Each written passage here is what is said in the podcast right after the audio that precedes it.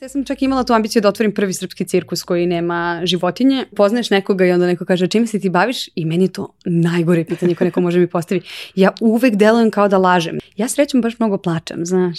Nekako to mi je kao neko ono duševno kupanje. Či uključi se željka koja bi sve i ja sam onda u fazonu pa što ja ne bih sada otišla i radila ovo, ono potpuno nespremna. Tako.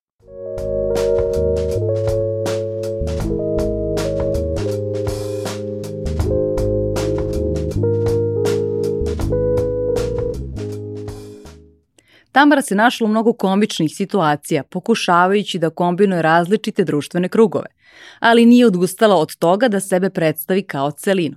Kada se predstavi kao producentkinja, osjeća se nepravedno prema pevačici u sebi. Kada se predstavi kao aktivistkinja za ljudska prava, osjeća se nepravedno prema sebi preduzetnici. Jedni kažu da je inženjerka, drugi da je umetnica. Jedni da je liderka, drugi da odlično prati. Jedno je sigurno, Tamara Kojić veruje u moć zajednice. Šta to sve za nju predstavlja, ispričat će nam u fusnoti koja sledi. Slogan Grand Cafe, hajde da imamo vremena, inspirisao me je da se setim kako blagotvorno na nas može da utiče kada se otvorenog srca i uma upustimo u nešto sasvim novo, sa čim do tada nismo imali dodirnih tačaka. Ćao Tamara, dobrodošla. Hvala ti na pozivu. Ali... Spremila si, stala si u niski start, kao sad će da me pita, sad će da me šta će da, da. Ko si u suštini ti? E, sad? da, danas. Ili sad? A, ili ovog trenutka. Hm? Ili ovog trenutka. E, ne, mislim da se stalno menjam. Mislim da kad si me pitala to već se nešto promenilo. Sad ne umem dovoljno dobro da ti odgovorim na to Vratit pitanje. Vratit ću onda do kraja sve... ovaj, da, da zaokružimo nekako ponovo ovaj razgovor, makar ko si, ko si ti danas. I meni je interesantno zato što ti uvijek kažeš kao ha, ja volim da uh, razmišljamo o sebi tamari u prošlosti, tamari u sadašnjosti i tamari u budućnosti. Kako?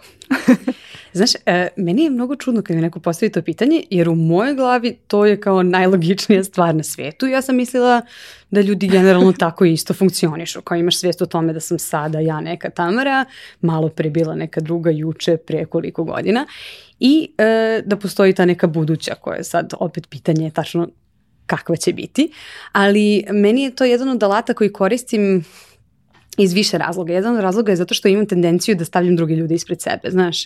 Mislim, nije to sad nešto kao, ah, ja svetica, nego uživam u tome i malo sam pretirivala sa time i onda sam shvatila da jedan od načina na koji mogu da se malo obuzdam u tome jeste da razmišljam da činim uslugu sebi iz budućnosti, znaš. Mm -hmm. I onda tako nekako uh, sama za sebe radim neke neke usluge, neke dobre stvari i onda sam počela da razvijam to kao od nekih banalnih stvari. Znaš, kao nađeš pakovanje maramica u, u kaputu i kao hladno je i trebaju ti maramice, ubaciš ruku u džep i kao joj, hvala Tamara iz prošlosti što si se setila. Znaš, kad sam bila ono mlađa i izlazila, onda kao ta osoba koja sipa čašu vode i stavi pored kreveta, razumeš? I ja se onda provodim u zonu hvala Tamara iz prošlosti što si mislila na ovo i na taj način nekako um, sam sebi činila usluge i povezivala te tri ove i sebe ne znam da li ti to kao ima smisla, ali... E, meni ima, ali znaš šta hoću da zanimam, recimo, uh, kada govoriš uh, o Tamari budućnosti, znaš, uh, nisi nam ispričala sa neke megalomanske kao uh, planove, tvoje, ne znam, stremnje i tako dalje. I to me je recimo, to mi, to mi bilo interesa, šta je moje zapažanje tako, iz ovoga. A kada pričaš o sebi o budućnosti, u budućnosti zapravo, je li ima toga ili je to isto nešto poput ovoga? bliže je ovome u smislu da nemam sad ja neke kao ambicije ogromne, zato što jako često mi se dešavalo da ja sad kao fantaziram i smislim neki plan za budućnost i sebe ograničim da može da bude samo toliko. Mhm. Makoliko ja maštala da je to nešto sjajno, sebe ograničim i ne dopustim da mi nešto drugo uđe u život, da se nešto dogodi pa da promenim neki plan. I onda sam to nekako sebi kao ostavila da da pustim, jednostavno da se ne, ne držim grčevito za neku ideju u budućnosti. A pored toga, um, tu postoji stvarno niz, niz ovaj, stvari, znaš, Tamara iz sadašnjosti generalno najčešće baš voli da je lepo. Onako baš volim da mi je lepo, da sam u dobrom društvu, prijednom ambijentu, znaš, neka dobra klopa, lep pogled i slično. I ono, uh, da ne bih sve vrijeme bila ta osoba, ja pomislim kao, ok, ali Tamara iz budućnosti će značiti da kao odeš na trening, znaš, da uradiš nešto, jer pomažem njoj u suštini. Tako da na taj način nalazim neki balans. To su sve neke sitne stvari, iskreno. To je meni kao svakodnevna strategija ovaj, filozofija. Žao mi je što nije nešto kao ambicioznije, kao neki veliki životni plan već samo tako. E, ali važno mi je eto, uh, ovaj, i, i to je nekako moje sledeće pitanje, šta je to bez čega jedan tvoj dan ne može da prođe što ti je važno, zašto ti je važno da imaš vremena?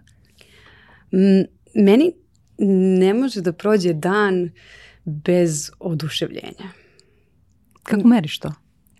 Samo loženje, znaš, nekako kao ako mi neko oduzme pravo ili ako samo i sebi još gore oduzmem pravo da se oduševljavam, to mi je jedna od najgorih stvari. Znaš, nekako mislim da dosta je društvo orijentisano ka tome da e, procenjuje i osuđuje neka interesovanja, znaš, kao ti sad skupljaš, ne znam, ono, salvete, kao to je bez veze hobi. Lupam sad, mm -hmm. razumiješ, prva stvar koja mi je pala na pamet, a kao nešto drugo nije bez veze hobi, ovo jeste, ovo interesovanje je cool, ovo je štrebersko i slično. E, mene to baš mnogo smara. I, ove, ovaj, I onda sam skapirala da mi je svetinja to da mogu da se oduševljavam. I trenutak kada prestanem da se oduševljavam, ono, to je baš, baš loš trenutak. I tako da e, za to nalazim uvek vremena i za to se baš ozbiljno borim.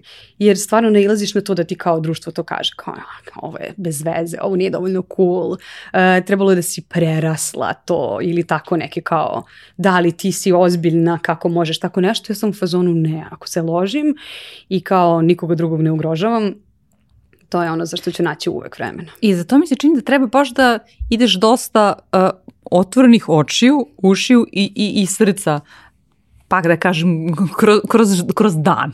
Tako je. Ovaj, pa, da, pa da proširimo a, na nešto dalje. A ili ima sad s tog momenta kao da se ono štekaš? U smislu kao, e, ako se oduševljavam svime, više mi ništa neće biti za, za oduševljenje. Ne, to mi nikad nije palo na pamet. Zato što se ne oduševljavam kao, ne forsiram se da se oduševljam. Znaš, znaš kako kaže ono, Bora Čorbar, zaljubim se 5-6 puta u roku 3 minute, to mi je palo na pamet. e, i to, znači, i to radim, samo što se tako zaljubljujem ono, i u ljude, i u situacije, i u ono, neku ideju, i u predmete i slično.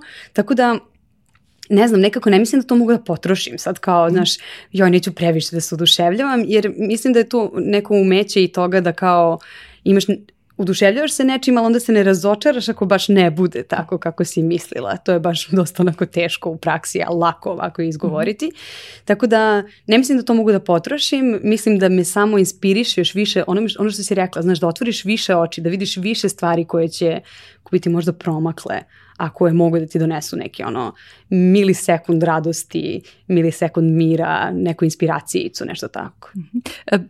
Kako onda drugi ljudi reaguju na tako nešto, oni koji su ti bliski nekako s kojima dosta provodiš i kvalitativno i kvantitativno vremena?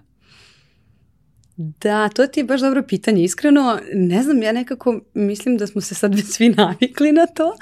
Ovaj, ja zaista imam taj blagoslov da sam okružena fantastičnim ljudima, znaš, koji neće da kažu to kao joj, kako je bez veze da ti se sviđa nešto, što se meni dopada u tom trenutku ima dobronamernih saveta naravno, ali nekako ne dozvoljavam da me neko sputava u tim nekim nevinim ono, oduševljenjima. I primetila sam u poslednje vreme da dosta ljudi oko mene ima uh, jedan kvalitet koji ja posebno cenim, a to je da se lako zabave.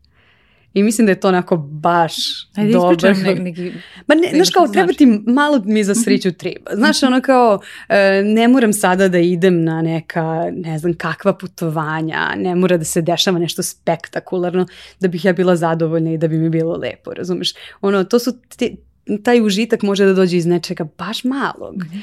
I onda kada shvatiš u stvari, mislim ja makar kad sam shvatila da Znaš, ljudi jure sreću, a u stvari jure tu neku ideju kao ne znam, radosti ogromne, a zapravo, znaš, imaš ono nešto malo što ti čini dan, pa se ponovi, pa se tako dešava, meni, meni je to mnogo lepše nego neko ono ludilo koje te potpuno ispomera i onda si negde jako visoko i onda posle toga te čeka onaj pad, zar ne?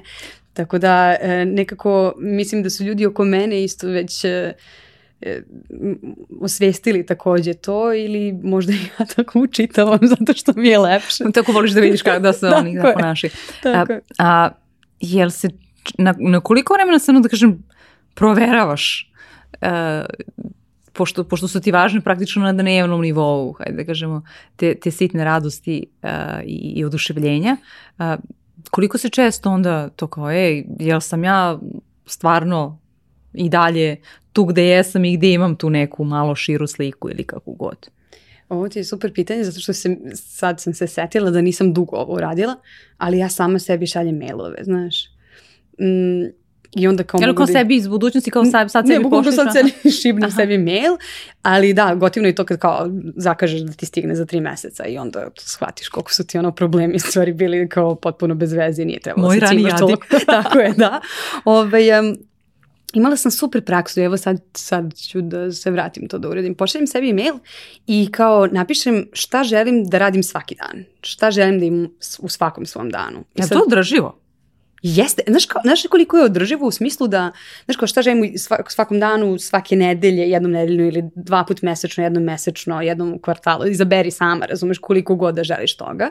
I sad to nije ništa sada kao, wow, ono, ja želim da popijem dve litre vode svaki dan, razumeš, jer volim i jer mi prija i kao da želim da ne želim da živim život u kojem to nije kao opcija, razumeš? I tako neke te sitne stvari što bi neko rekao kao, ok, želim da slušam muziku svaki dan, znaš. Um, I onda pošaljem sebi taj mail sa sve tim kao želim jednom u kvartalu, jednom u pola godine i onda posle nekog vremena ga pročitam i uh, onda proverim da li lažem samu sebe. Znaš, imaš to kao, da ću ti primjer, ja, imala sam to kao, želim da idem na masažu svake nedelje. I ja to napišem sebi, u fazonu sam da, realno, baš bi mi to prijelo nekako I onda kao prođe tri meseca i ne odem ni jednom na masažu, onda otvoriš to i budeš u fazonu, ok, osobo, da li se lažeš, da li fantaziraš o masaži, zapravo ne želiš da ideš na to, razumeš da li je to neka ideja koju ti je neko stvorio, ili ne poštuješ samu sebe i svoje potrebe, ili kao šta se zapravo dešava, razumeš? Tako da meni to služi kao neki mm -hmm. check-in, ali eto, nisam to radila neko vreme. A je li ti teže kada shvatiš da sebe, ajde kažemo, manjuješ možda tako, uh, kada to samo i sebi radiš ili kada to dođe sa strane? U, ili možda mi preformulišeš pitanje? A, pa kao kada, kada ti neko kaže idemo na masažu ili ići ćemo ili šta god, ali sad sam ja uzela da. ovaj, taj primjer ili kada uh, kada ti sebi kaš Tamara, vodim te na masažu i kada shvatiš da to zapravo neće biti realizovano bez obzira što si mislila da ti, da ti znači. Da, je, odlično ti opet pitanje čoveče, da. E, imam te ljude Pa rekla koji... smo da je ovo terapija. da, ovo je stvarno terapeutski, onako kao, e, da, čekaj da se ogolim odmah u petom minutu, ne znam, tek smo počeli.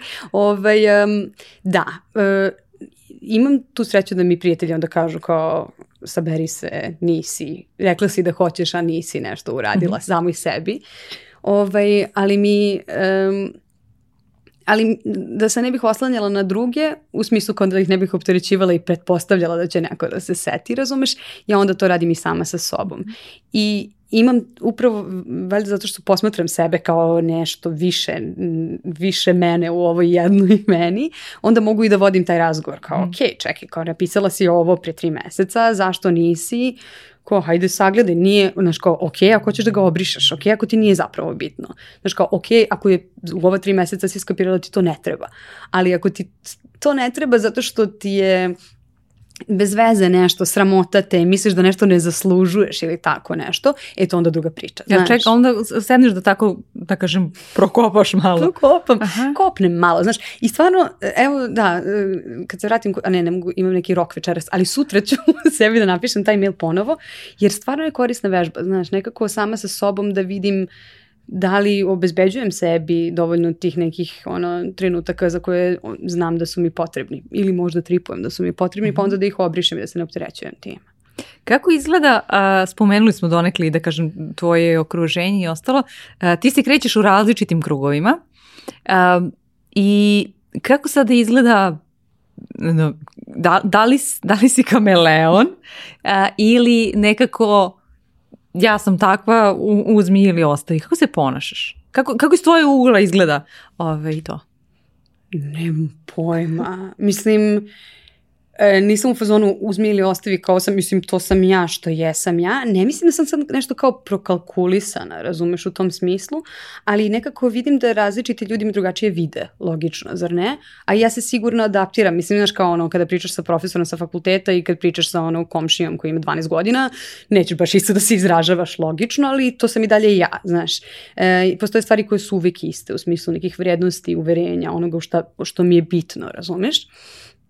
Iako ono, sada što sam starija a, i lukavija, nešto sam starija, što više vremena prolazi, onda shvatiš da nećeš da se baš boriš za svaku ono, bitku, nego A. da jednostavno nema Biraš potrebe, da, ako je, ne, nema potrebe sad ja neku, nekom nešto objašnjavam, ako se ne slažemo, ako mi nije neko blizak za koga želim istinski da se borim, ali ovaj, ja sebe vidim kao kao nekoga ko se adaptira, apsolutno, ali imam stvari od kojih ne odustajem i koje nisam spremna da pustim ovaj, zbog nekog drugog ili zbog neke situacije. I to me, znaš, dovelo do mnogih situacija u kojima nešto kao neću da napravim neki kompromis, ovaj, da idem protiv svojih uverenja, pa onda nešto žrtvuješ. Ali ovaj, kada pričaš o kao različitim grupama ljudi, ovaj, gde se krećem nekako znaš, najbolj, najbolji način je kao da odeš kod roditelja, znaš, i kao, išla smo mama ja na kampovanje prošle godine i sad ja kao imam preko 30 godina, razumeš, i pravim ručak i ona mi daje paradajz i nož i ja sečem nož i ona kaže, pazi da se ne posječeš. Mama. Mama, brate, znači ja sam u fazonu, ako se iseče sa ovoliko godina, zato što sečem nož, ono, prirodna selekcija, razumeš, možda jednostavno pusti me, ali znaš, takve stvari jednostavno imamo te neke odnose, da. pa nisi ih svesna zapravo suštinski, ali uh, postoji uvijek neka nit, zar ne? Mm -hmm. Pa da, da ovaj, i ja, ja nekako volim i da pitam iz ovoga, a kako si ti pronašla, da li si se nekako trudila da pronađeš e, šta je to ta, ta nit ili je to, shvatila si malo prespomenula i, i vrednosti i tako dalje, šta je to zapravo što je sve zajedničko meni? Naučila sam iz ono m, grešaka, naučila sam da kada imam neki, ili sad zovi to intuicija, osjećaj kako god, a može da bude uverenje, sad stvarno zavisi od situacije i, ove, i trenutka. Desi mi se da sam u fazonu kao, a dobro, to što ja želim i što mi je potrebno, ok, malo ću da ne, i najčešće kad samu sebe tako izneverim, mm -hmm. to se onda ove, meni obio glavu. Tako da to je stvar koju sam naučila da kao... Veruj svoje prve misli. Tako da. je, pa ne mora, ne mora nužno prvo, i zato što prva često jako bude nešto što su te uslovili da misliš, znaš, mislim iz mog ugla. Makar. Svoj, svoj prvo unutrašnju glasu. Tako je, kažem, to da. da, da, da. Mislim da je opasno, to sam mislila. Ove, pogotovo kad pomisliš da se tvoje misli ti, to je onda baš e, komplikovano, ali iz mog ugla, znaš, kada ne izneverim sebe, onda sam na dobrom putu. Kada ne izneveriš sebe. Tako da. je, da. Uh -huh. A, je, jel se i tu preispituješ, e, jesam li izneverila nekad sebe ili dakle? Brate, konstantno. znači, da li veriš? Konstantno. Mislim da je to ono, samo kao proveravanje da li ti kompas je uključen u svakom trenutku, jer e, mi je strah da ću nekada samo da pustim, da kao da tečem kroz život i da se tako stvari dešavaju u potpunosti, da, da. nemam svest o tome gde sam, znaš, da nemam svest o tome zbog čega nešto radim, zbog čega donosim neku odluku, jer je mnogo lako da upadneš u to znaš, samo da nekako kao nastaviš da radiš šta ljudi očekuju od tebe ili šta treba da se radi, kao šta se valja, znaš, a onda opet dođeš do toga da izneveriš sebe, a to, to se stvarno istinski trudim da, da izbegavam. Jel ti opterećujući to na neki način, kao ovaj, ne, neko stalno, stalno ono pozivanje ovaj, kontrole, mislim, hajde da kažemo kontrole, ne bukvalno, ali proveravanja. Pa nije, nije, znaš zašto? Zato što nekako iz mog ugla ta svest je baš mnogo mi je do, toga donela, mm. znaš. I uh, pričali smo skoro nešto o, o video igrama gde imaš kao awareness, kao koliko mm. je tvoj lik svestan okruženja i kao meni je awareness baš visok i opet se vraćamo na ono na početku, znaš, to mi donosi oduševljenje, zato što ja kao vidim neku scenu na ulici koja mi je, znaš, kao vidim nekog deku koji se igra sa unukom koji kao ljudi ne konstatuje, ali meni ono, znaš, ta milisekundica baš mi mhm. bude lepo i slično, tako da u suštini ta svest i i svesno same sebe, gde sam ja i zbog čega sam i šta sam u tom trenutku ove, i, i mog okruženja meni donosi toliko toga, tako da me ne opterećuje. Um, mislim da više opterećuje ljudi oko mene, gde sam me upoznala, e, jel se sećaš kao kad smo prošli pored onog znaka, pa je bio onaj, ona nalepnica je bila i ljudi su upoznali, ne, znači koji znak, ono, odakle si to izvukla. Mislim da je njima možda veće da. opterećenje, ali meni je baš nekako nagradica. E, e, ja imam utisak da, da su tebi i poslane prilike stigle zbog toga što si izrazito empatična osoba. Jesam li pravo? Verovatno, da. Da, da, da, da, da.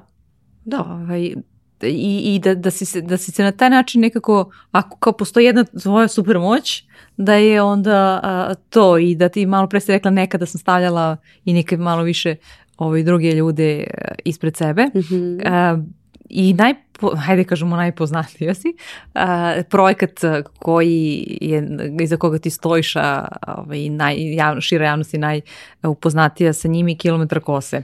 E sad, a, ono što, što mene iz tog hej, u stvari prvo ti u dve rečenice iz tvog ugla da danas sa vremenske distance opišeš ovaj, šta je to pa ćemo te pitati dalje. Da, kilometar kose je bio projekat, odnosno humanitarna inicijativa koju sam ja pokrenula sad već 15, pre nekih, ja da, 15. Da. 2015. tako je koji trajao jel te, ove, nekih godina i po dana. E, nisam ga sama pokrenula, naravno, bio je tu Marko Mak Pantelić i bilo je tu zaista ogroman broj ljudi koji su se udružili da de, deci, prvenstveno devojčicama, najviše tinejdžerkama, koje zbog hemioterapije ili zbog bolesti kao što je alopecija izgube kosu, da im obezbedimo perike, um, zato što smo shvatili da je to jedna vrsta psihološke pomoći mm -hmm. koja se zanemaruje, a koja zaista mnogo, mnogo može da znači. Devojčice kada izgube kosu pa stave periku, onda vide kako će izgledati kada ozdrave, nekako ih to da, dodatno motiviše, vide da je to moguće.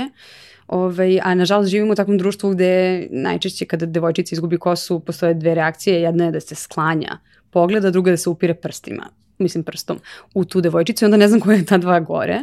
I moja želja je bila potpuno naivna. Ja sam bila u fazonu, hajde da napravimo nešto, znaš kao napravimo neku Facebook stranu, znaš kao ono, devojka zamišlja kao, a pa ja ću sad da pomognem, želja mi da pomognem, sad ćemo tako kao nešto neiskusno.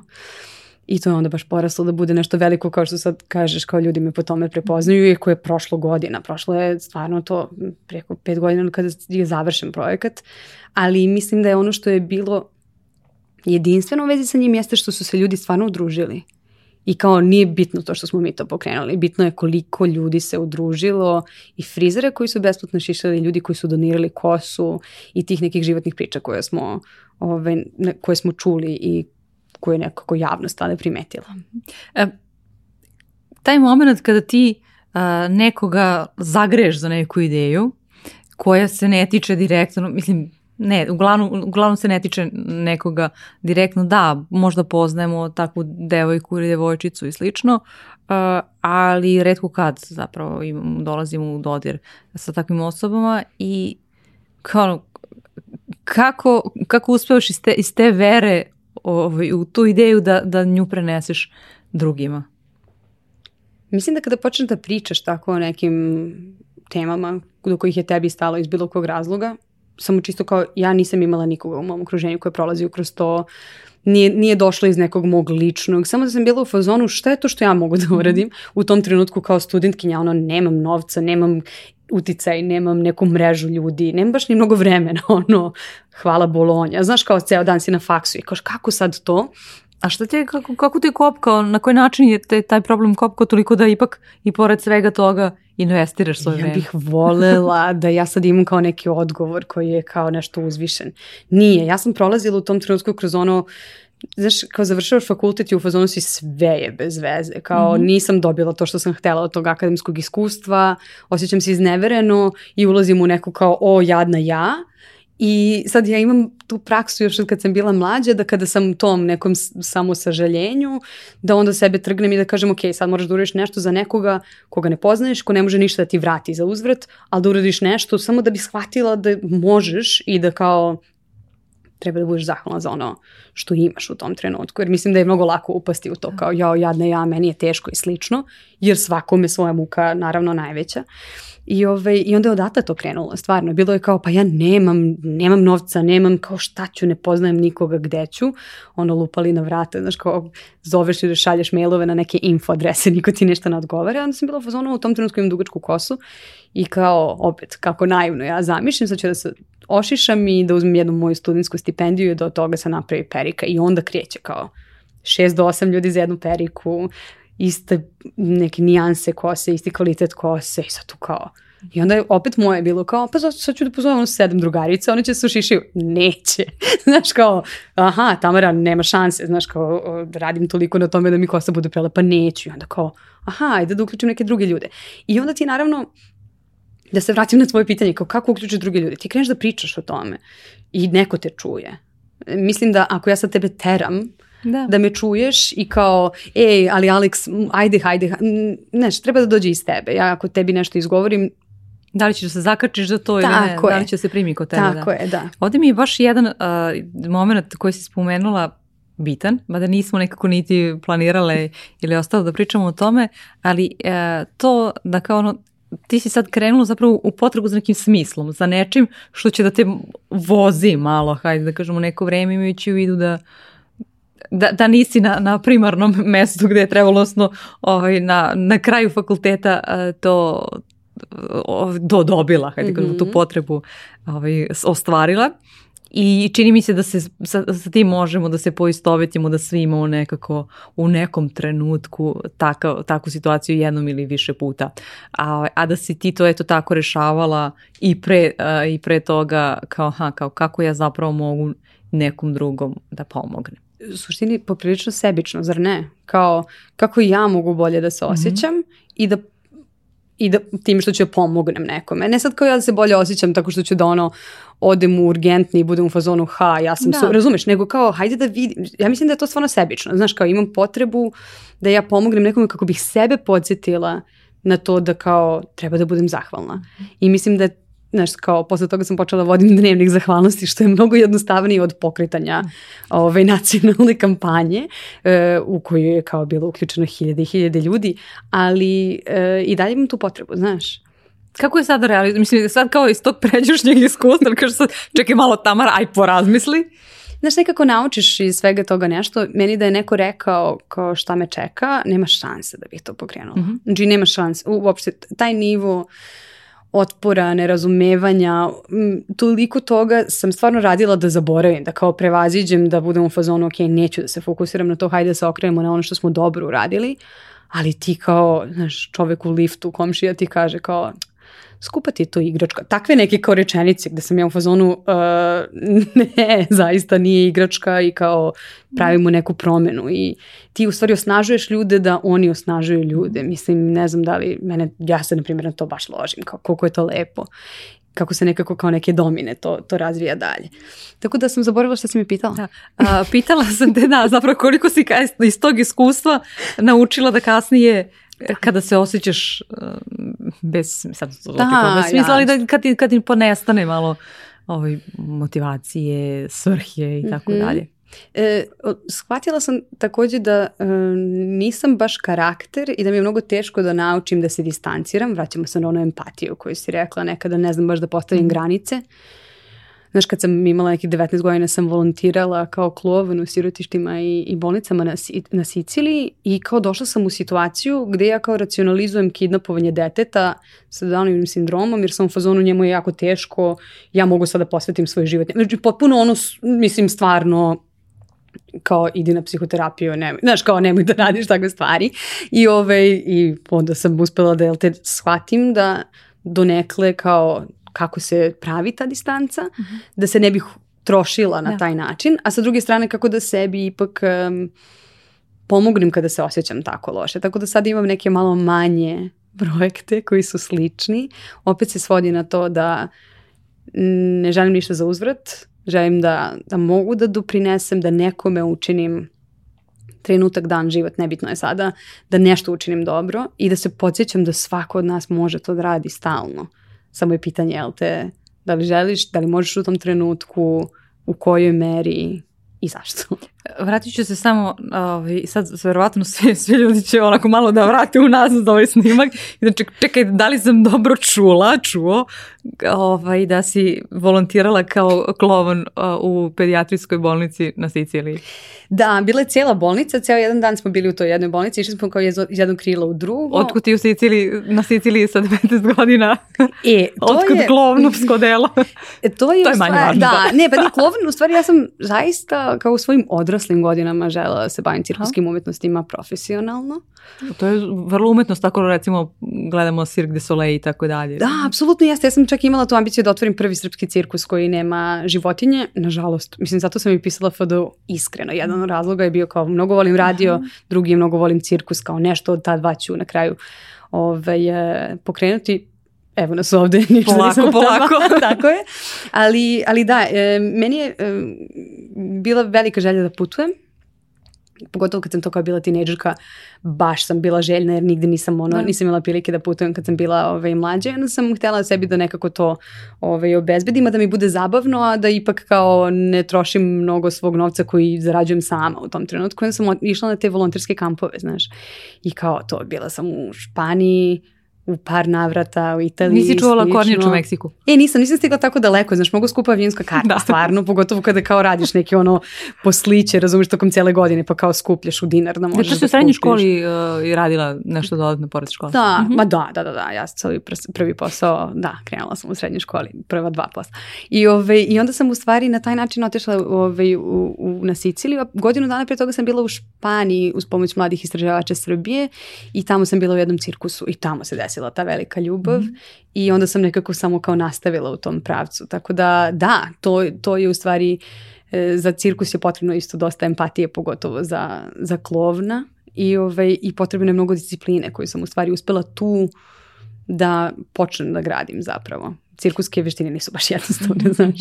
E, kako, dobro, ti si, ti si bez obzira što nisi um, ovaj, studirala glumu, već produkciju, ili tako, na FDU, ali mene recimo jako kopka taj moment ulaska u ulogu. I izlaska, u stvari, kažu glumci da je stvarno mnogo veći problem da izađeš ovaj, iz te uloge, A, tako da im, e, moji planovi onako ovaj, su, su već sa tim ne sa otvaranjem cirkusa, ali to me, taj proces me zanima nekako nikako nisam a, imala priliku da posredno ili neposredno prođem kroz to. I koliko ti je zapravo e, to pomoglo da uđeš i izađeš iz te uloge, nebitno da li si to kroz svoje formalno obra ili neformalno obrazovanje prošla, ali zanima me baš to. Jer ipak, ipak imamo svi neke ovaj, uloge, ovo je sad kao neko nešto ekstremno, kao ovaj, bila sam klovan, Da. a, a, ovaj, ali imamo ipak svi neke uloge. Mnogo su mi bili bitni tu rituali. Mhm. Pored toga sam se bavila profesionalnom muzikom. Kad kažem profesionalno, kao živela od toga nekoliko godina i bila mnogo duže u bendovima, nekim ono, od, stvarno od kad sam bila tinejdžerka do ne znam koje godine, ali tu je takođe to jako Mhm. bitno. Mm, Kad se popneš na binu, šta si, ko si i kako onda možeš da se odvojiš od toga, jer je jako zavodljivo to, znaš, ti si na bini, fizički si još pritom kao iznad neke publike, tu su Svi neka svetla, svi tebe, gledaju, to je predivan osjećaj, onda ti posle toga kao sediš u nekom Mhm. memljivom backstage-u i kao skidaš šminku i hladno ti je. Znaš, je, ta vrsta ogromne razlike između Za jako dva. kratko vreme. Da. Tako je. Mislim, to je jedan od razloga takođe zašto mm, nikad nisam želela da se bavim glumom, jer mi to deluje baš nekako kao veliki ekstrem u tom smislu. U cirkusu, konkretno kada si klovan, postoji taj ritual stavljanja nosa. I to je sveti ritual u suštini, zato što do, do tada si ti ti, ali kada ga stavi, kad staviš taj nos na, na, ovaj, na lice, onda zapravo ulaziš u tu ulogu i onda je to nekako fizički, em drugačije izgledaš, em moraš da ti to uradiš i možeš da presječeš to. Tako da i kod muzike mi je to isto mnogo pomagalo. Čak smo nekom trenutku svirali nešto u Parizu, u Srpskom kulturnom centru i ja sam imala ja ne znam, a stvarno ne znam kako sam pristala, plava perika ovako, e, neke štikle, sačuje Bože, neki kombinezu, neko ludilo i kao teška neka šminka i sećam se, baš se sećam da je bio neki čovek u publici koji je sve vreme vrištao žutem, znaš kao, on me baš mnogo voli i ja sam pomislila kao, ok, hajde kao kad se završi koncert, samo da prođem pored njega, samo da vidim da li je to da li, da li ovo će mi uspeti ovaj eksperiment. Ja sam skinula periku, presvukla se do pogledala čoveka, prošla pored njega, nula.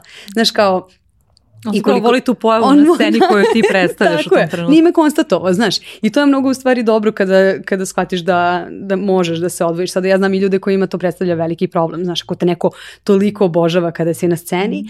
ovaj, pa te onda posle upozna, pa kao se sruši ta neka iluzija, to je onda mač sa dve oštrice, ali srećom ovaj, ja nisam otišla u tom pravcu. Da. Ali si imala uh, slično iskustvo kasnije hajde da kažemo kroz biznis. Znaš, kao da se pitaš nekad, e, jel zovu oni mene kao Tamaru, bilo šta na neki mm -hmm. događaj ili ti se nekako obraćaju ili tako dalje, posvećuju ti određenu pažnju, ili zovu tu titulu koju sam ja danas?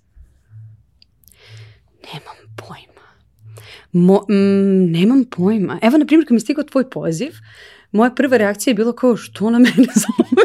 Znači, pomislila sam kao, cool, kao jeste, kao radila sam ja svašta nešto, ali sada ne radim. Znaš, to je ono pitanje, uh, mm. kao, da li ja sada mogu da pričam o tom što sam bila pevačica pre 10 godina, to što sam bila kao cirkuzantkinja pre 12. Znaš, ne znam da li mogu, mislim kao... E, tako da i tada kada se takve stvari dešavaju, ja nekako smatram da me neko zove iz kog god razloga, mm. razumeš, ja dođem ukoliko želim, naravno, e, i kao e, pružim ono što imam da dam. Sad ako se neko kao razočara jer je u fazonu nije baš ona to kao oličenje te da. titule ili slično, mislim da je to onda do, do njihovih očekivanja nekako na meni je... Da, mislila sam na neki pa, pa možda malo o, formalne događaje i neke formalne kontakte, hajde da, da kažem da, tom. Nekako... Znaš, jel ti nekada kad prestaneš ono, ovaj, da, da radiš na nekom mestu, jel te onda neki ljudi ne, ne pozovu više nikada, a kao bili ste... Ma sigurno, ma da, ali meni je to nekako prirodno, zar ne? Kao nekako život teče.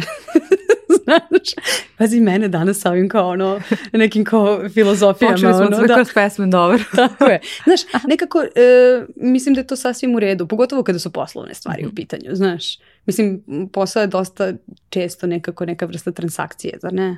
Da. Bar bih se smorila sad kao ja da prestanem da radim negde i kao da moji najbliži ljudi, znaš kao sestra me više ne zove zato što ne radim više negde, to bi me da, baš smorilo. Dobro, to... Ali iskreno baš nekako imam mali uski krug ljudi ovaj, um, koje, znaš, ono kao, e, obrišeš Instagram, ali oni nastave da te prate u životu ove, i onda imaš ljude mm. koji kao će te zvati kad imaš nešto da, da im pružiš ili nešto, ne, ne znam baš. E, čudno mi je to tvoje pitanje, znaš, zato što u suštini sad prvi put razmišljam o tome.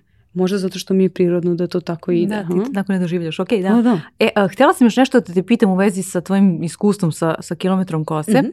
a, a to je kako zapravo sagledaš, ti si hajde da kažemo, na, na, povodom godišnjice od uh, početka tog projekta koji se uh, podudara sa uh, pomozi mi međunarodnim... Svetskim danom, da, da tako da, je. da, tako je deca obola raka. Da. Ovaj, tako je uh, i uh, bio je emitovan tvoj dokumentarac na, na RTS-u, to je kao nekako big deal, jel da? A, I mala Tamara je verovatno, ovaj, kako pogledaš danas, onako verovatno super zadovoljna zbog toga. Ali ono što mene zanima iz tog iskustva, mi nismo uh, objektivni uh, kada sagledavamo nešto što smo radili, na koji god način, bilo da kažemo ja sam razavalio ili razvalio ili kao pa nije ovaj moj e, doprinos tome tako značajan za to. I kako si ti nekako odmerila sve to, a opet ti si ono mlada osoba a, i to će ostati kao dokumentarac i još na, na nacionalnom servisu. Znaš, nije ono mm, lokalna da. neka televizija iz nekog malog grada i tako dalje, pa su te zvali neku emisicu da uradiš i ostalo. Da, e, mislim da je, e, prvo sam pomislila da me špioniraš, znači imala sam za trenutak kao, ok, kako, znaš, pre dva dana sam nešto tražila i ne mogu da nađem na svom Google Drive-u, jer kao hiljadu fajlova, i kao je naći ću na YouTube-u i ono, pretražim svoje ime na YouTube-u, znači katastrofa. I, znaš, ono, ne, ne želim da vidim. I vidim neki intervju na RTS-u i pomislim kao, i kao, šta je ovo? I, otvrim, i čujem da se dešava prikazivanje tog filma na RTS-u, ja se toga ne sjećam. Ja se sećam da je bila, bilo prikazivanje tog filma u, dom, u Domu omladine. Toga se sećam jer je bilo nešto, nismo mogli da eksportujemo taj film. Bukvalno do poslednjeg trenutka je bilo kao da li ću da stojim i kao da budem klovan, razumeš, da odugovlačim ili ćemo da krenemo sa prikazivanjem filma kada je trebalo. Ali ja se tog RTS-a ne sećam. I ne znam koliko je to dobro, iskreno sad kad me to pitaš, zato što sigurno sam u tom trenutku bila ponosna, mm -hmm. sigurno nisam bila u fazonu, znaš kao, Ne, okej, okay, ali taj moment da, da, da. da snimi, da na taj način dokumentuješ uh, određeni događaj. Da, meni je taj dokumentarac toliko mnogo značio, mm -hmm. zato što kako prolazi godina i mi smo tako snimali, nismo ga snimali u jednom nekom periodu, nego tokom trajanja cele ovaj, kampanje. Bio je baš nekako zdrav način da se sagledaju te neki, te neki lepi trenuci i da se stavi reflektor na te neke ljude koji, čiji se glas možda nije dovoljno čuo -hmm. u celom tom procesu. I ovaj, mislim, to je stvarno veliki uspeh sa jedne strane, a sa druge strane to je toliko minorno u odnosu na ono sve što je ta akcija bila. Mislim da sam zbog toga i zaboravila na taj mhm. detalj, jer je taj dokumentarac nekako služio da približimo tu priču većem broju ljudi. Jer između ostalog, znaš, perike jesu cilj, ali podizanje svesti je da. jako, jako važno. I da neko kao samo ima svest, da pomisli, da, da osvesti, da, da, da se nekako promeni način na koji razmišljamo ove, o celoj toj problematici. Pritom, kao ako samo mogu da dodam, ja sam suštinski protiv nošenja perika. Znači ja bih najviše volila da mi živimo u društvu u kome e, nemaš potrebu za time. Da. Kao neko izgubi kosu, u redu, prolazi kroz neki težak period, niko ne okreće glavu, niko ono, mi smo slušali priče o tome kao ljudi prelaze na drugu stranu ulice, neće da uđu u lift sa tim ljudima. Razumeš, mislim kao potpuno primitivno. Ja bih najviše volila da mi živimo u društvu u kome smo svesni da neki ljudi prolaze kroz neka teška vremena i da želimo im sve najbolje, zar ne?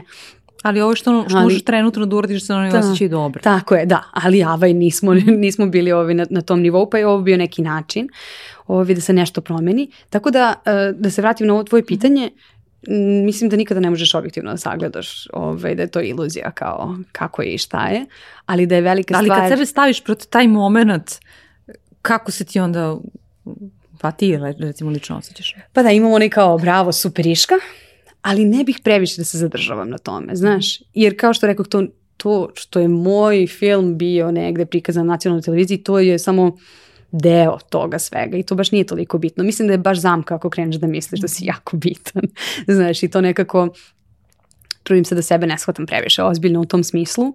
Ozbiljne su teme kojima sam se bavila, ja. ozbiljne su teme kojima ću se baviti u budućnosti, ali najčešće se ne tiče baš mene, znaš. Ja sam samo neko ko to kao ja sam kanal. Znaš, kao ja ću to da uradim i u redu je i mnogi ljudi su mi zamerali u mom ovaj, bliskom okruženju kao nisi se dovoljno ispromovisala da. kao neko ko je radio. preuzela zasluge za sebe, da? Tako Ali nisam, mislim, ja sam pokrenula to. Da, da sam, samo sam pokrenula, ali da se svi ti ljudi nisu uključili.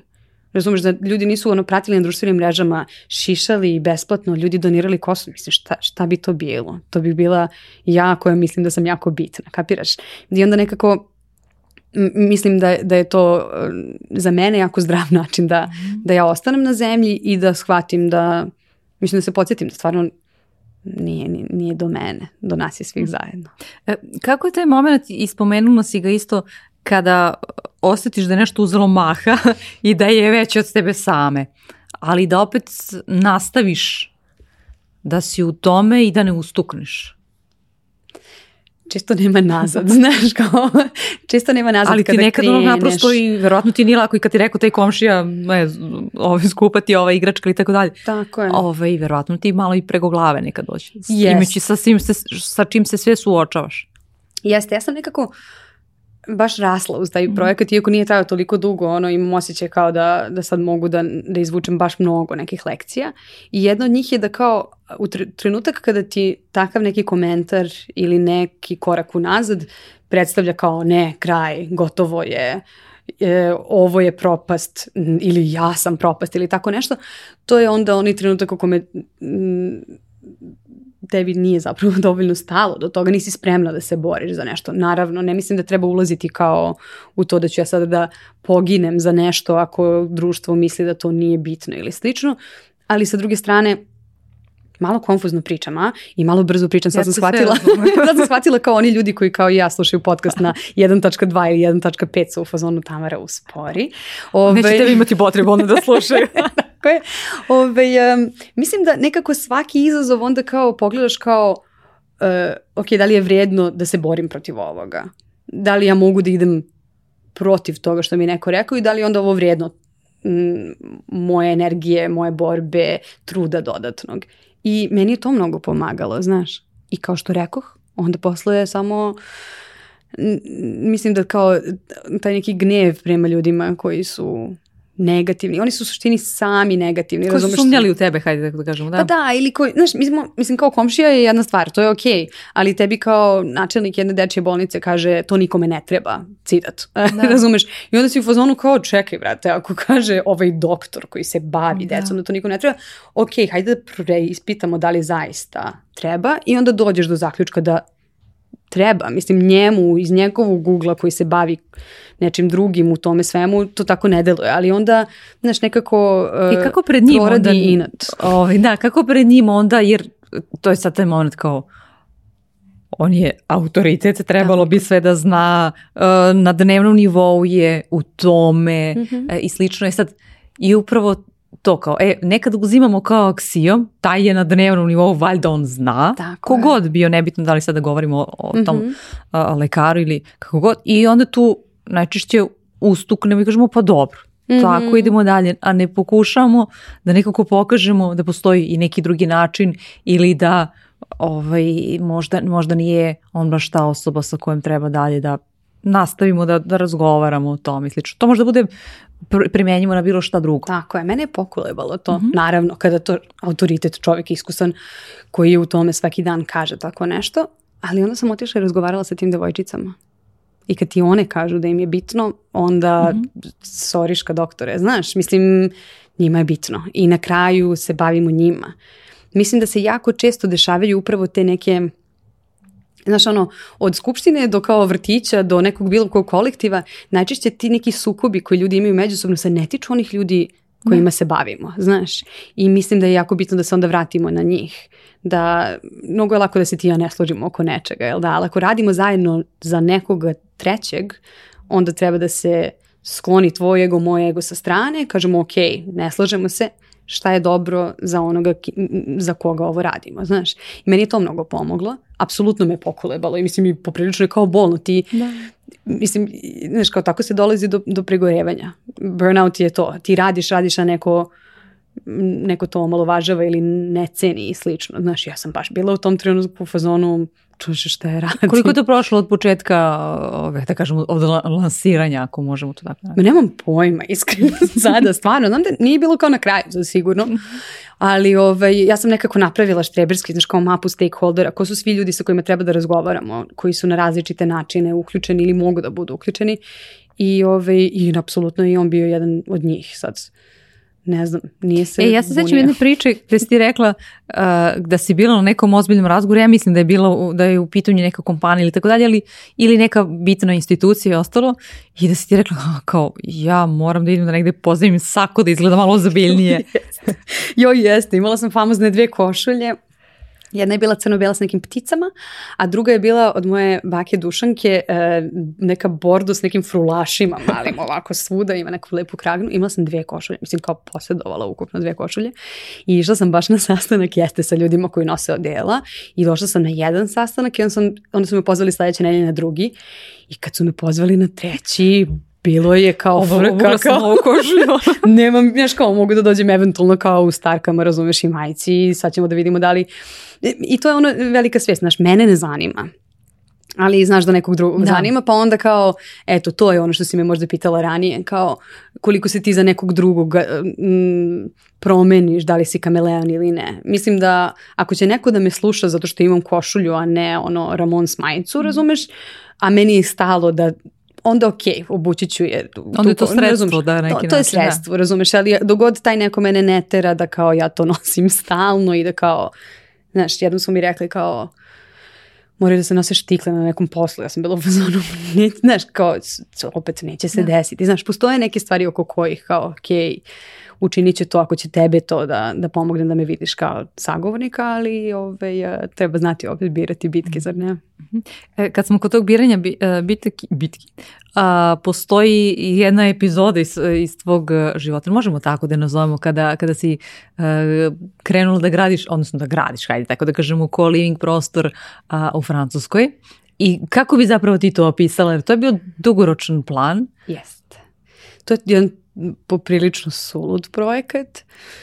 Ja sam radila u, u, u coworking i co-living prostoru u Mokrinu, u Mokrin House-u onda sam prestala da radim tamo kao full time i počela sam da radim kao konsultant i malo sam želela da iskusim taj e, život digitalnih nomada, radila ono, putem laptopa odakle god, nešto se tu kao cunjala, cunjala po svetu i uh, u nekom trenutku krenula da razgovaram sa ti ljudima koji su pokrenuli neki projekat.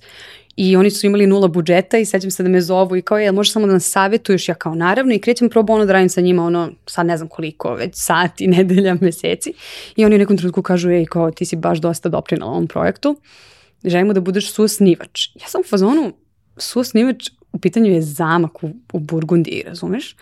I mislim, ne mogu da kažem ne tome. I tako je počelo. Stvarno je počelo poprilično A to neke ljudi iz Francuske su? Tako ili da? je, da, da, da. Ekipa je iz Francuske bila iz Velike Britanije, e, naslednica tog zamka, ali nije samo zamak, znači to je cijelo ogromno jedno imanje od 2,5 km kvadratna, ono sa svojim izvorom pijeće vode, e, nekim tornjim iz 11. veka, e, kapelom iz 14. veka koja je zaštićena od strane UNESCO. Znači ono, neka priroda, znaš onaj vazduh koji je kao baš visoko kvaliteta vazduh od tog zelenila i svega.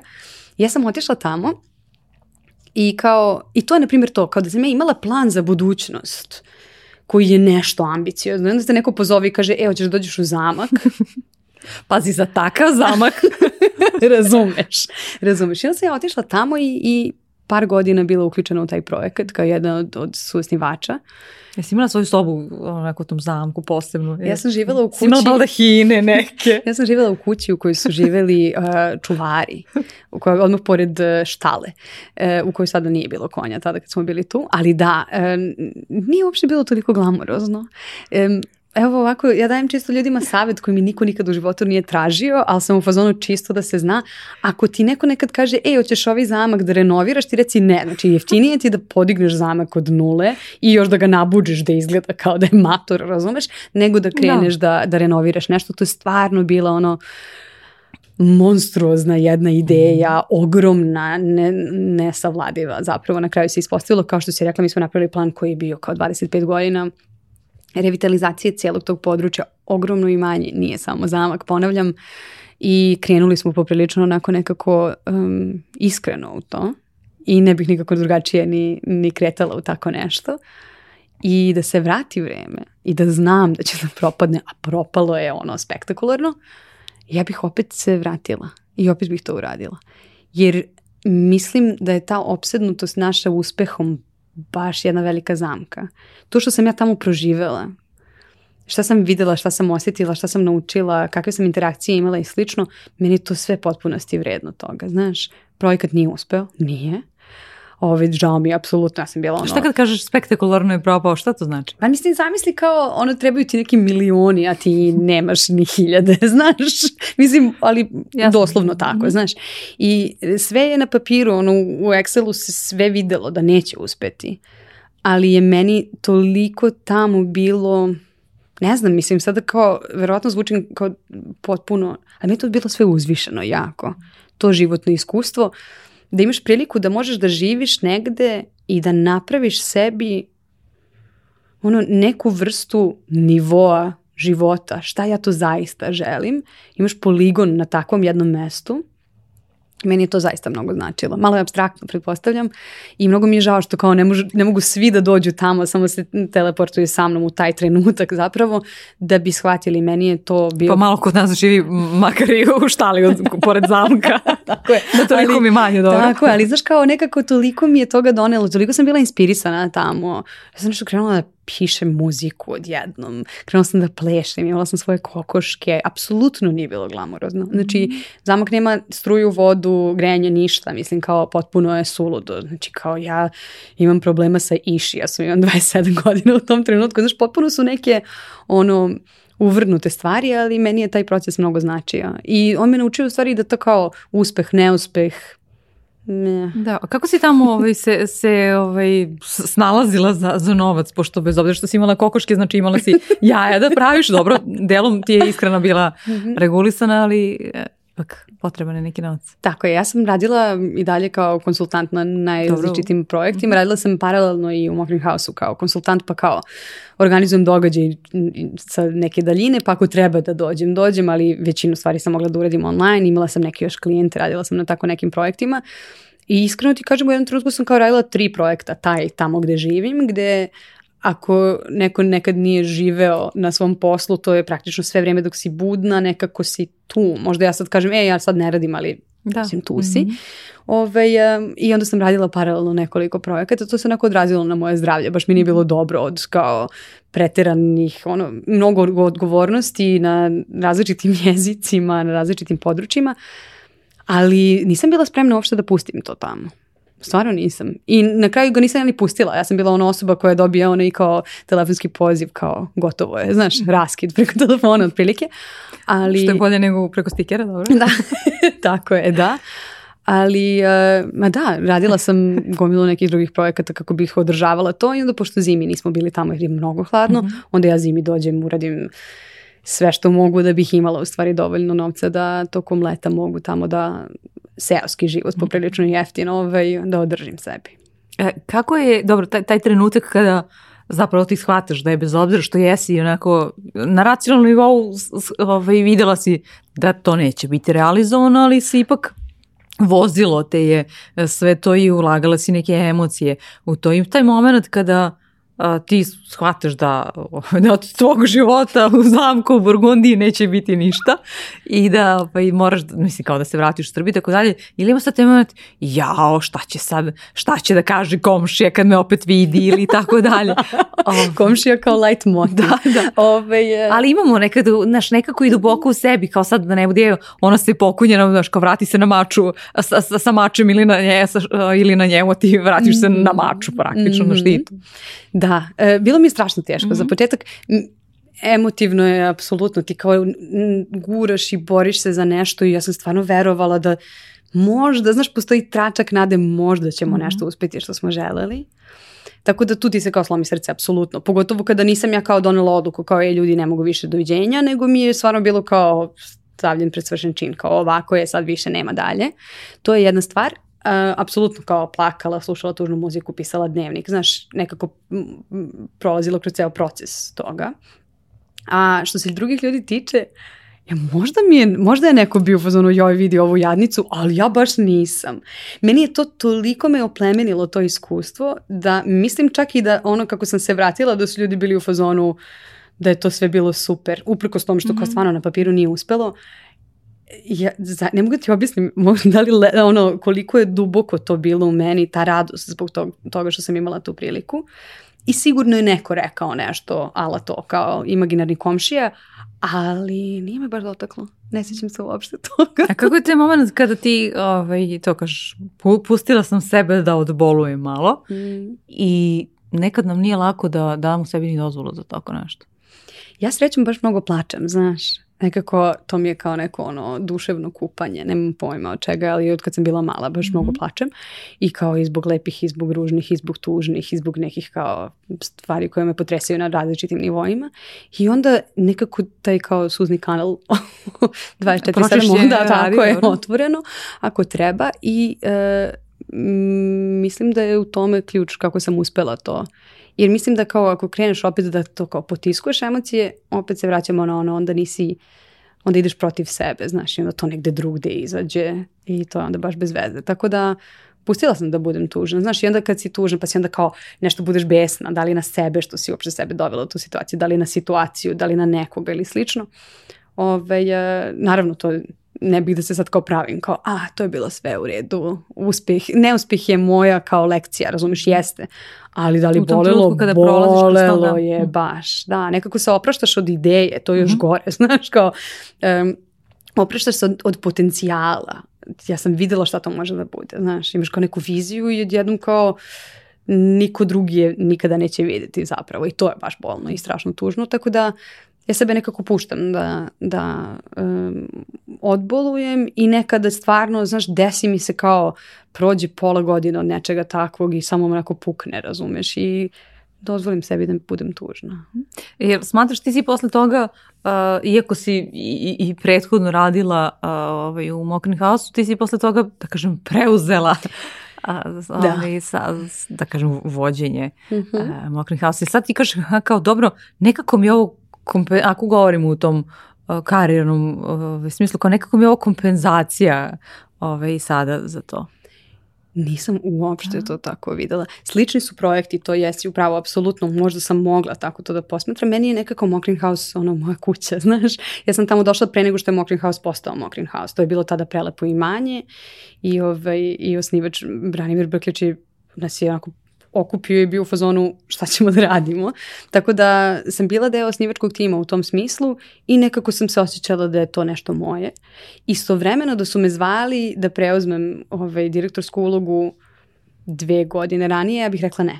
Ali ta francuska me tome naučila -hmm, u stvari, -hmm. kao na koji način se postaviti, kako kako isplanirati nešto šta je strategija, da strategija nije plan, razumeš i te neke sve stvari uh, koje su na kraju se ispostavile baš korisnim ovaj, u, u Mokring House-u. Da li sam to videla kao neku vrstu kompenzacije? Nikada.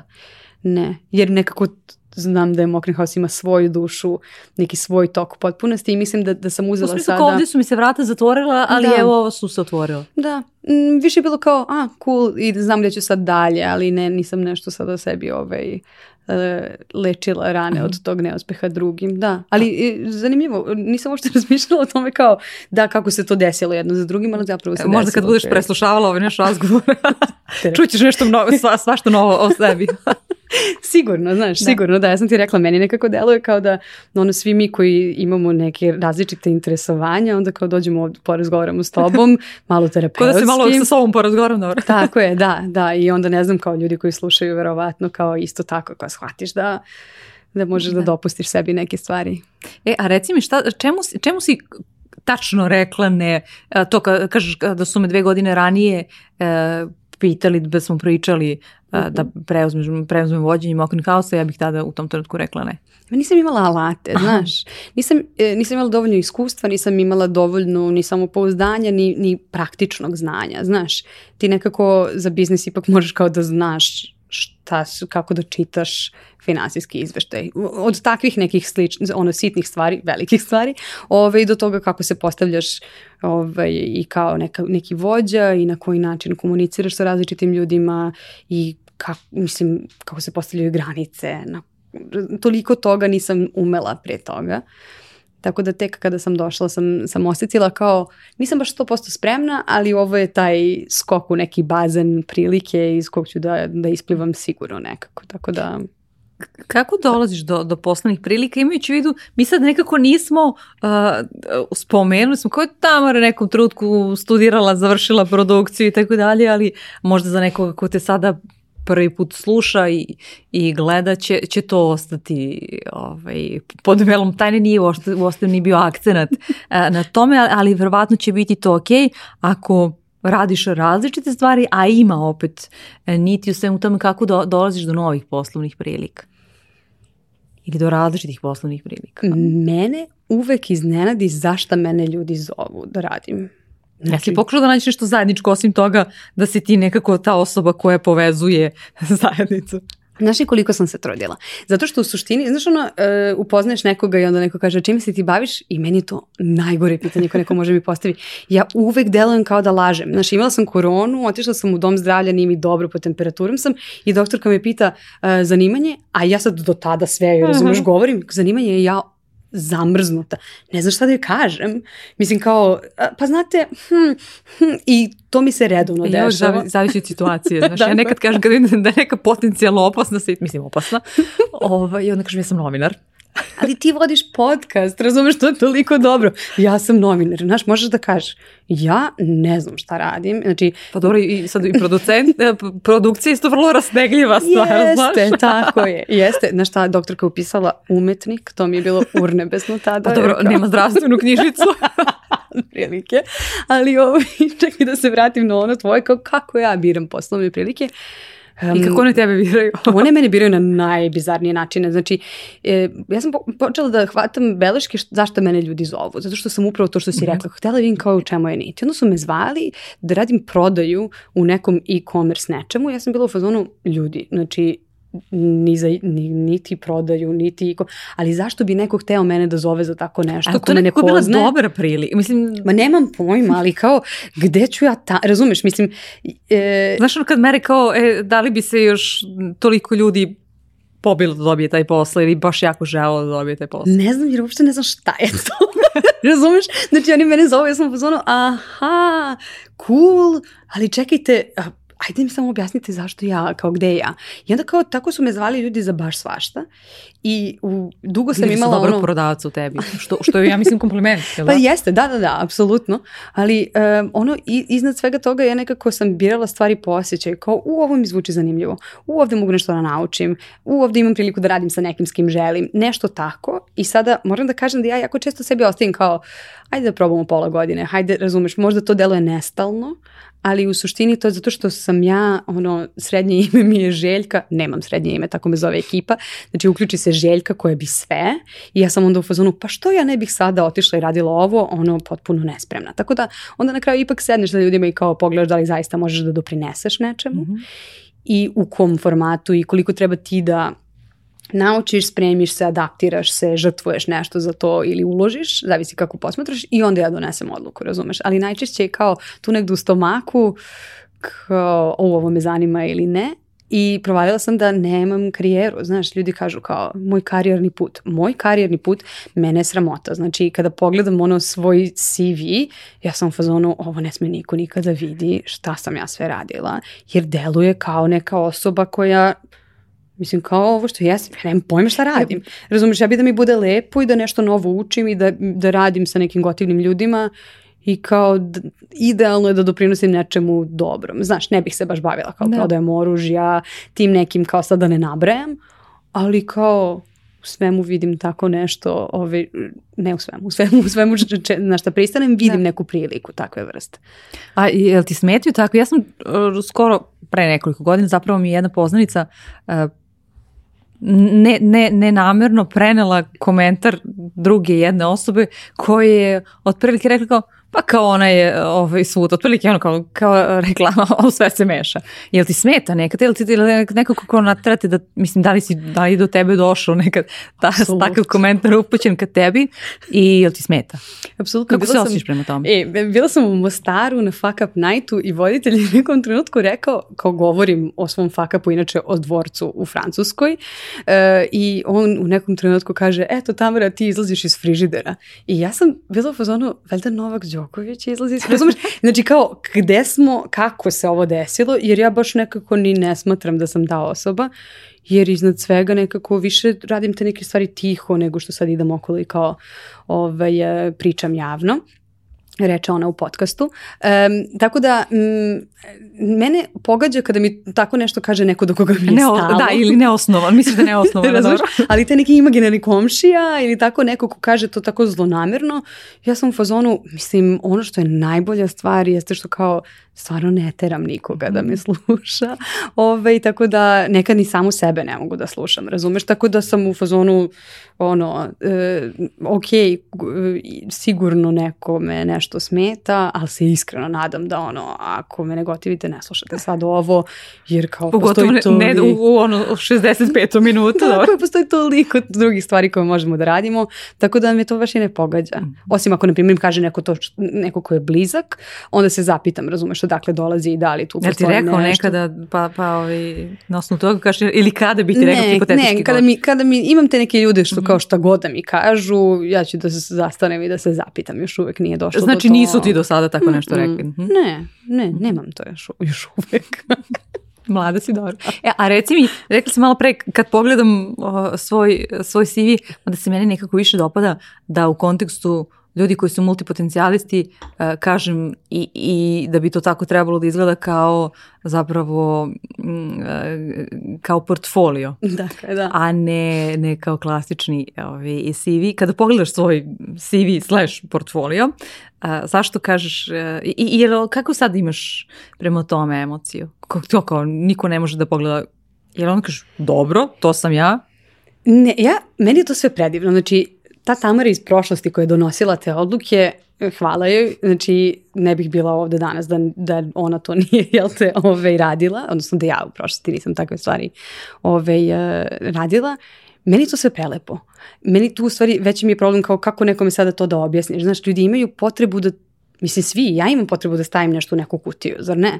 I onda, I šta radiš onda tim povodom? Ma znaš kao premišljam se evidentno. Znaš, imaš to kao identitetski. Da li ja danas mogu da pričam o muzici kao ako se ni, ne bavim njom preko pet godina, znaš. Um, da li sam ja producent ako se ne bavim produkcijom, piše mi to u diplomi, pa šta ćemo, razumeš?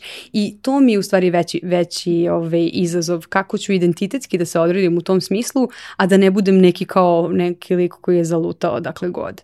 Ali sva ta iskustva, ja znam da zvuči verovatno suludo, ali taj cirkus, taj zamak, pevanje, moj novinarski rad, e, znaš kao toliko toga svega što sam radila, aktivizam, sada da ne nabrajam stvarno, to sve negde se uklopi, mm -hmm. nešto malo poneseš odatle.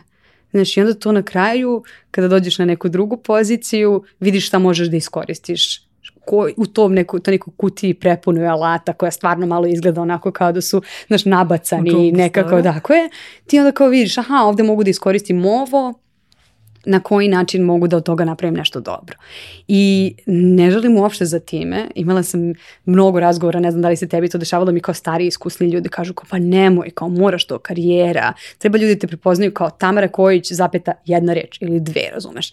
Ja tu sintagmu još uvek nemam i ne želim da se teram da je nađem, razumeš? Iako mi je stvarno jedno od najneprijatnijih pitanja to kao čime se ti baviš, znaš. Ali donosim odluke kako mi se u tom trenutku kako mi to, u tom poglavlju života ima smisla i da li grešim? Apsolutno. Da li sam radila neke od tih stvari misleći da su nešto drugo? Jesam. Ali onda naučiš iz toga nešto i onda bude super, znaš. Da. Ovo mi se baš dopalo, moram da ti kažem. Verovatno, i verovatno ni ti nisi planirala da to ispričaš, pogotovo ne na ovaj način, ali baš mi se da, dopalo i nekako mi je taj moment kao da, imam, imam potrebu da postavim to, to jedno što god, ali nisam još uvek i tragam se za tim, je skroz ok. A e, za kraj neću te ponovo pitati ko, su, ko si u suštini ti, ali ću te pitati ako treba da izdvojiš jedno znanje ili veštinu, neki ljudi su a, izdvajali i osobinu, bez kog ti danas ne bi bila danas, sada, ova Tamara sa kojom ja razgovaram, ili nekako, ja volim isto to da kažem, a, ono što je baš donelo neku veliku promenu um, i uticalo na tebe, šta je onda to? Mislim da je to onda um, intrapersonalne veštine. Ta mogućnost da stanem, da porazgovaram sama mm -hmm. sa mhm. sobom, da nekad sebe utešim kada mi je to potrebno, da tražim to od nekog, da, da imam da sama sebi kažem ok, ovo je nešto što se rešava sa nekim drugim, da mogu da se preispitam, da sebi dozvolim da sam pogrešila. Znaš, ti razgovori koje vodim sama sa sobom, moj unutrašnji život je izuzetno bogat i mnogo, je, mnogo mi je to ove, mnogo značilo, zato što upravo ne radim po defaultu stvari, nije kao aha sad imam toliko godina vreme za x, e, ne, nemam to zato što mogu sama sa sobom da se ispričam, da vidim šta je to što Tamara iz sadašnjosti želi i šta je to što je dobro za Tamaru iz budućnosti i da na osnovu toga donosim odluke. I onda pogrešim ili ne pogrešim, ali to nije bitno. Mhm. Jer znam na kraju kada se sve to desi da se opet vraćam u taj razgovor sama sa sobom i tu se osjećam dobro. Hvala ti i ja jedva čekam da čujem ove, ove, ove razgovor naš ponovo i nadam se da je drugima bilo interesantno kao nama dvema, da slušaju kao nama dvema dok smo ćaskale ovo. I ja isto se nadam i hvala svima koji su nas odslušali do kraja, pošto sam svesna da su malo i abstraktne ove teme, ali u suštini nadam se da ako neko ima premišljanje u vezi sa time šta želim da budem kad porastem ili šta želim da budem sutra, ima nas koji nemamo pojma i mislim da nam je super. I, i, i živimo s tim. da. Srećno. O, to je Srećno, tako je, super nam je, da. tako da dobrodošli u ekipu. Hvala ti još jedna, Tamara. Hvala tebi.